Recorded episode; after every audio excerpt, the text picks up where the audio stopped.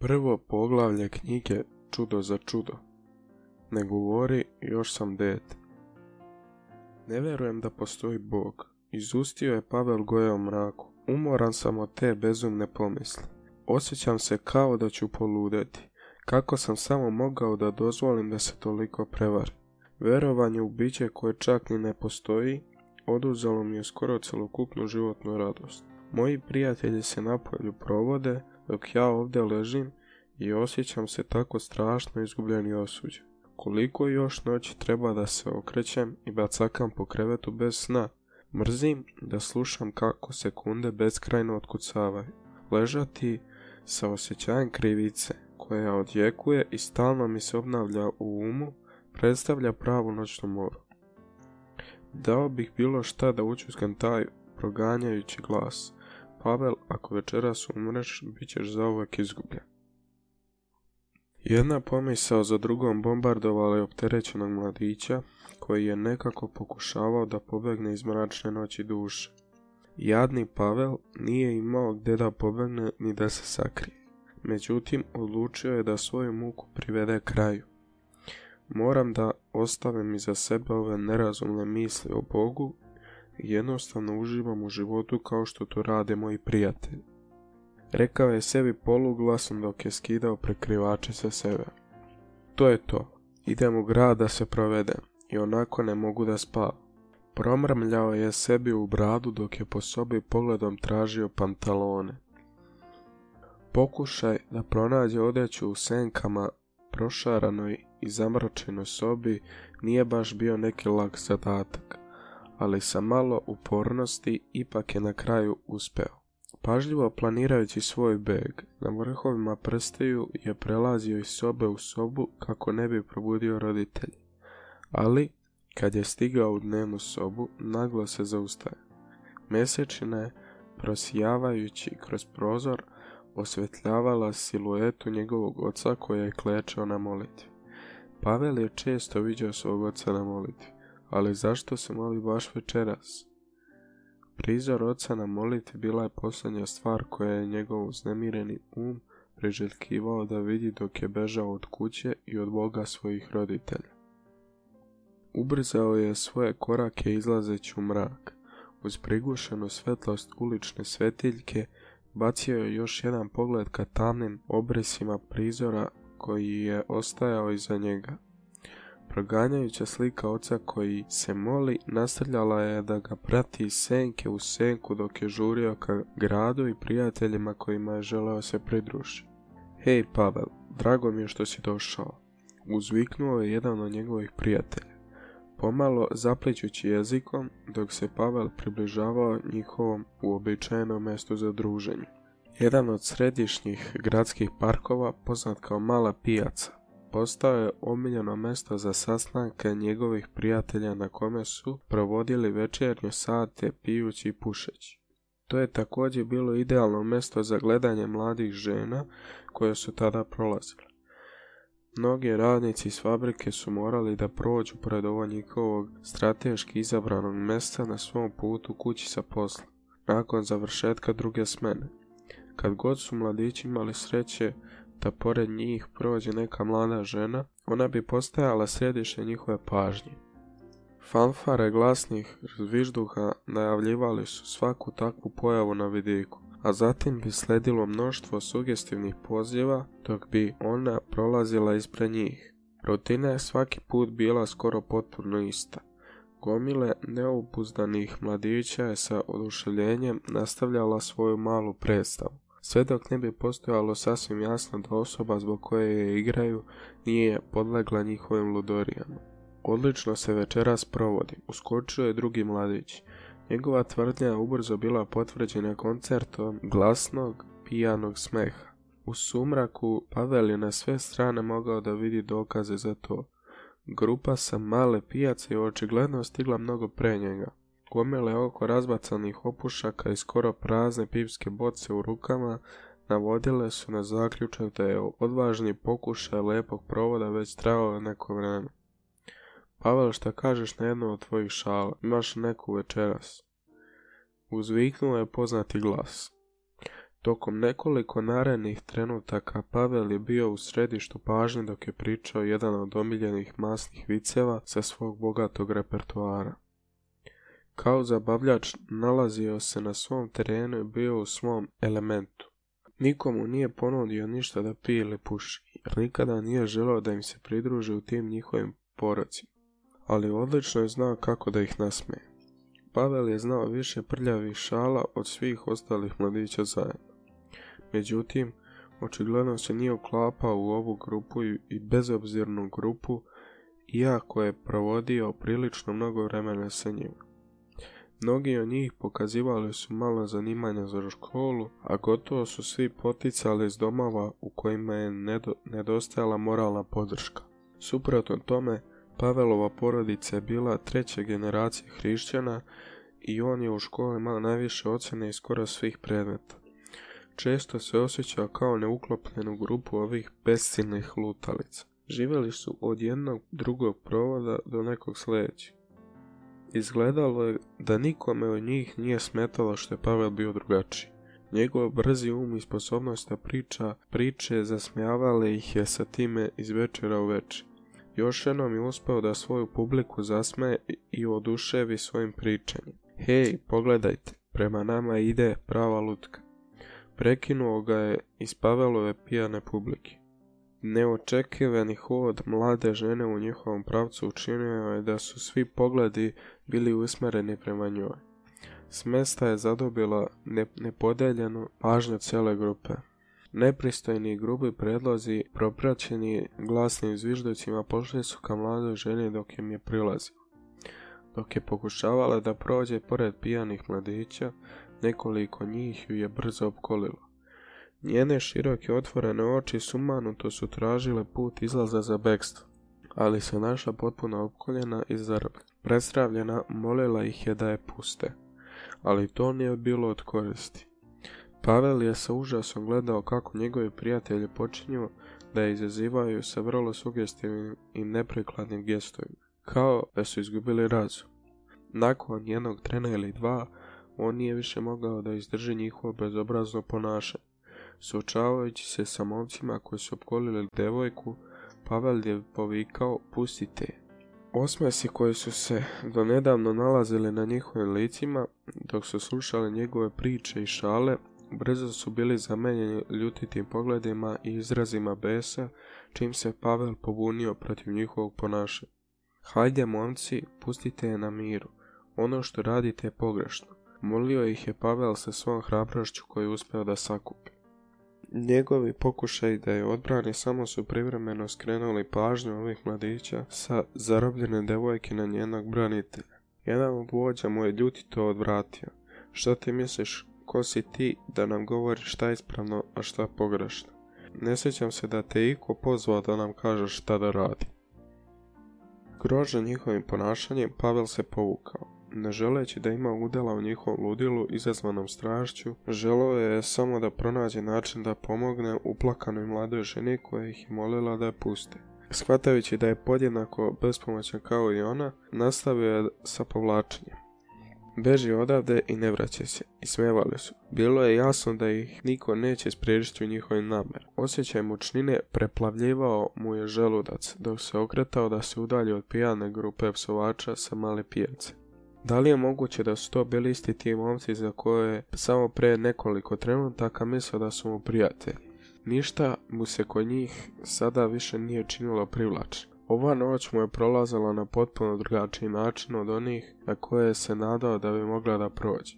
Pavelov pokušaj da pobegne od griža savesti ka svojim prijateljima u gradu nije ugušio njegove uznemirene misli, niti mu je pružio mir za kojim je očajnički česnuo. Put nazad prema kući bio je jadniji od početnog tužnog bekstva.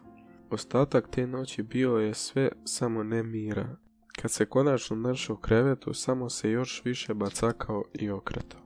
Kao dodatak mukama zbog osjećanja krivice javljale su se sveže slike preplašenih očiju i drhtavog glasa mlade žene koja je molila da je oslobode. Narednog dana otpočelo je novo progonstvo savesti Narednog dana odpočelo je novo progonstvo savesti proteklo iz njegovih uzburkanih osjećanja.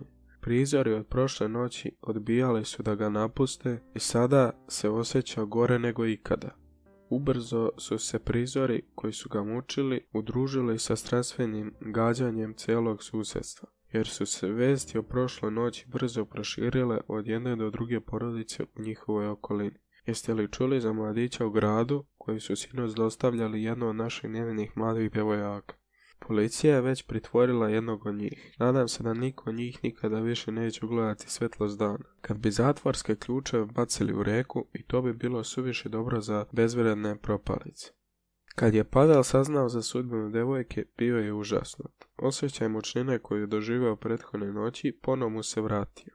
Oni za koje je mislio da su mu prijatelji, bez sumnje će provesti mnogo godina u zatvoru.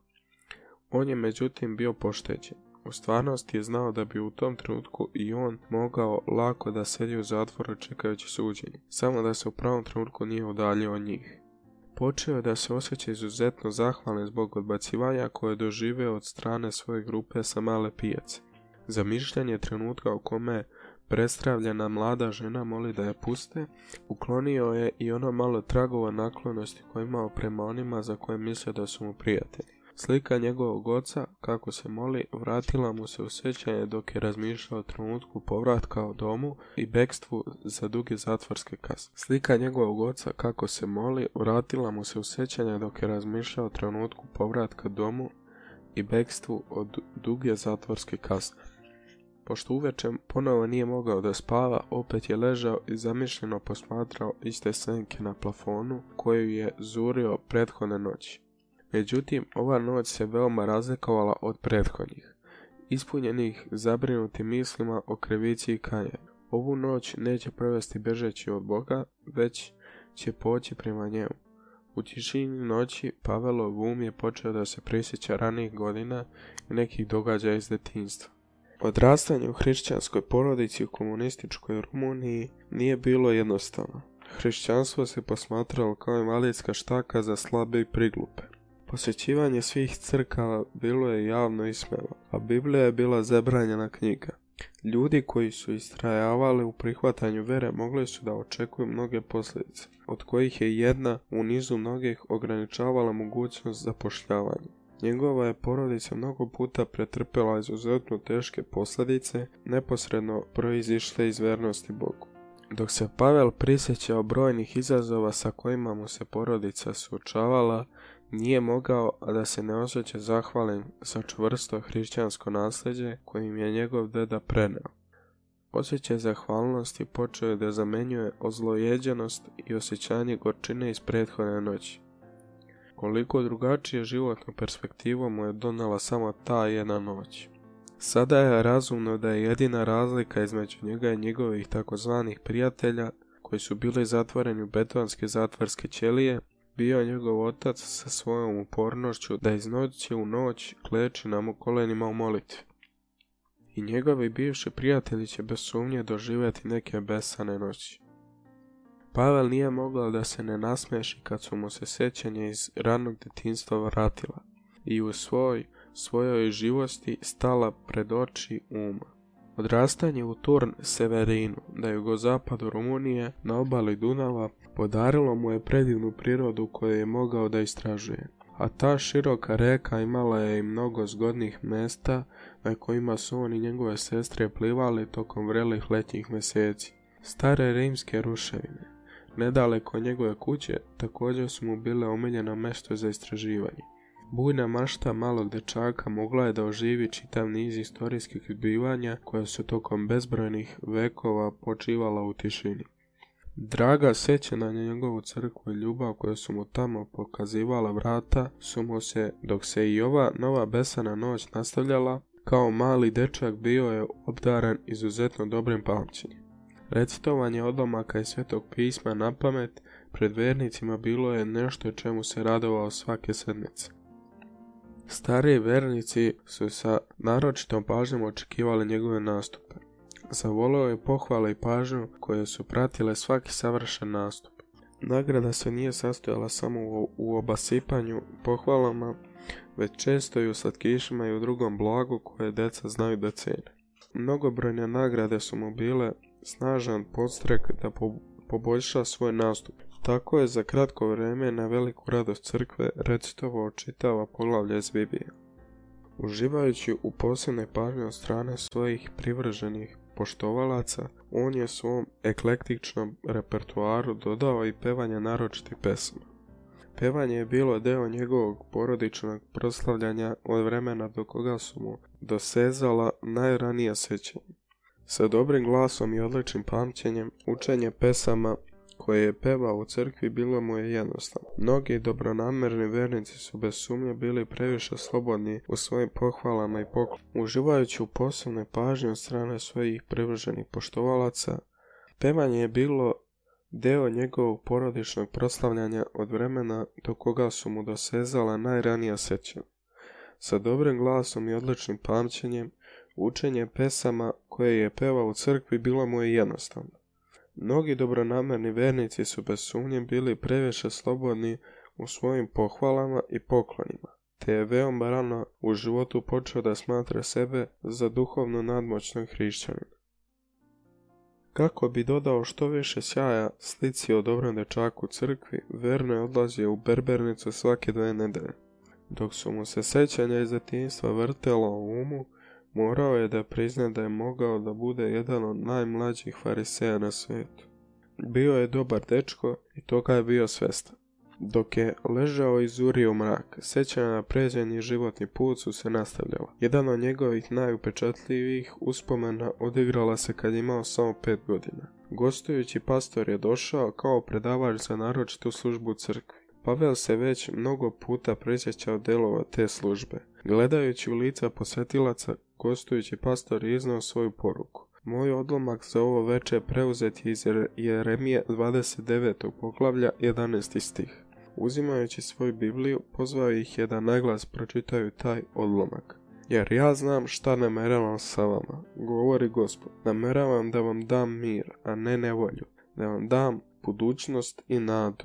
Pavel je pažljivo slušao dok je pastor objašnjavao puni smisao teksta. Nije važno koliko ste mladi ili stari ili koje su vaše trenutne okolnosti. Bog ima plan za vas. Dok se poruka nastavljala, mali Pavel je pokušavao da shvati kako može da se odnosi na jednog petogodišnjaka. Nije bilo teško poverovati da Bog ima plan za njegovog deku, jer ga je on vero sledio celog života. Gledajući oca i majku, mogao je da vidi i kako Bog možda ima plan za njihove živote. Ali za jednog petogodišnjaka, Izgledalo je kao da bi to moglo biti nešto više od onoga što je ovaj stih nameravao da kaže. Na kraju poruke bilo je očigledno da je zajednica bila blagoslovena i nadahnuta predivnom, svežom slikom brižnog i bliskog Boga. Vernici su obradovani porukom, jedan za drugim prilazili pastoru i zahvaljivali mu dok su izlazili iz crkve. Napokon se i Pavel ukazala prilika da se obrati pastoru. Stojeći neposredno pred pastorom, podigao je pogled, usmario ga ka očima i upitao ga sa svom ozbiljnošću koju je posjedovao. Da li Bog zaista ima plan za mene ili sam ja premali? Sa velikim osmehom bio je uveren u to da Božiji planovi obuhvataju čak i nekoga koji ima pet godina. Da li si već nekada molio i pitao Boga da li ima plan za te? Upitao ga je pastor. Ne, pretpostavljam da nisam. Zamišljeno je odgovorio dok je išao prema vratima. Duboko razmišljajući o izazovu pastora, otišao je do velikog drveta jabuke u crkvenom dvorištu. Mnogo puta se igrao po tim drvetu, ali danas je bilo drugačije. Zatvarajući oči, počeo je da izleba svoje srce. Dragi Bože, ja sam samo mali dečak od pet godina. Da li ti stvarno imaš, da li ti stvarno imaš plan iza za mene? nekoliko minuta nastavio da izliva svoje srce u molitvi. Ako je Bog imao plan za njegov život, on je svakako želeo da sazna. Kad je osjetio da se dovoljno dugo molio za svoj slučaj, sa nestrpljenjem je čekao glas sa neba koji će mu obelodaniti plan koji Bog ima za njega. Šta će mu Bog reći? U tišini je čekao glas od ozgo, ali je samo zvuk šuštanja lišća remetio tišinu dvorišta. Razočaran, ali ne i obeshrabren.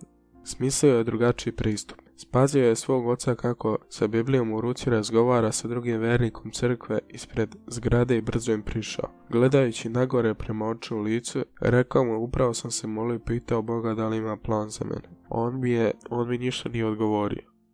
Široki su se osmesi prelili preko lica dvojice ljudi koji su slušali Pavelove tegobe.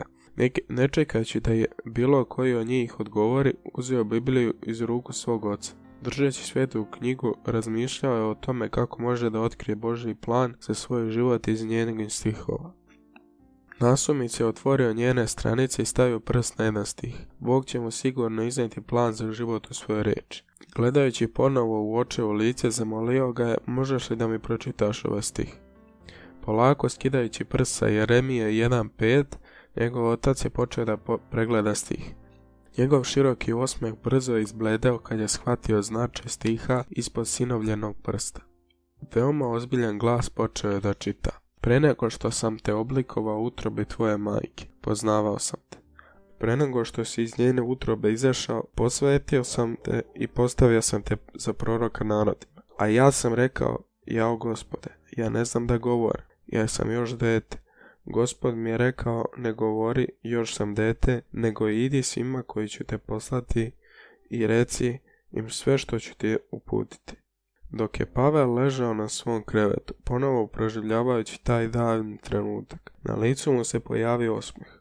Opet je osjetio uzbuđenje. Sjetio se kako je nekoliko minuta skakao od radosti govoreći svima da će on govoriti za Boga. Slobodno je obavestio sve vernike crkve koji su se u blizini zadržali u razgovoru ja ću biti pastor ili misionar. On će govoriti za Boga. Bog je jasno rekao u svoju reč, ne govori, još sam dete. To znači da nije suviše mlad i da Bog ima plan za njegov život. Izabran je za njegovog naročito govornika. Na licu mjesta je prihvatio svoju službu kao Božje glasnika. On će naporno i verno da promeni svakog pojedinca kako bi utvrdio njegovo duhovno stanje i potrebe. One koje imaju nedostatke po njegovoj procjeni kao pastora evanđeliste, on će prosvetiti. Svaka osoba za koju on bude posmatrao da joj je potrebno pokajanje, primit će srdačan poziv da se pokaje. Ubrzo nakon što je krenuo u prvi razred, Pavel je svoje evanđeoske napore usresredio ka svojim drugovima nije mu trebalo dugo da proceni njihove potrebe. Po njegovoj procjeni kao evanđeliste, njegov cijeli razred, osim naravno njega, imao je nedostatak duhovnosti.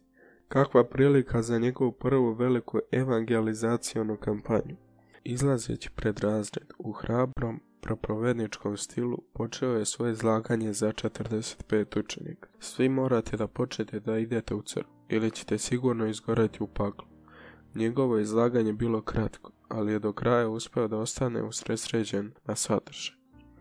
Bio uveren da je upravo iznao duhovno prosvjetljenje za kojim su njegovi drugovi iz razreda često. Šta je mogla pođa po zlu? Pavel se pita dok je gledao kroz prozor. Došlo je vrijeme za odlazak u crku, a nijedan od njegovih školskih drugova nije stajao očekujući da je ispred njegove kuće da pođe sa njim.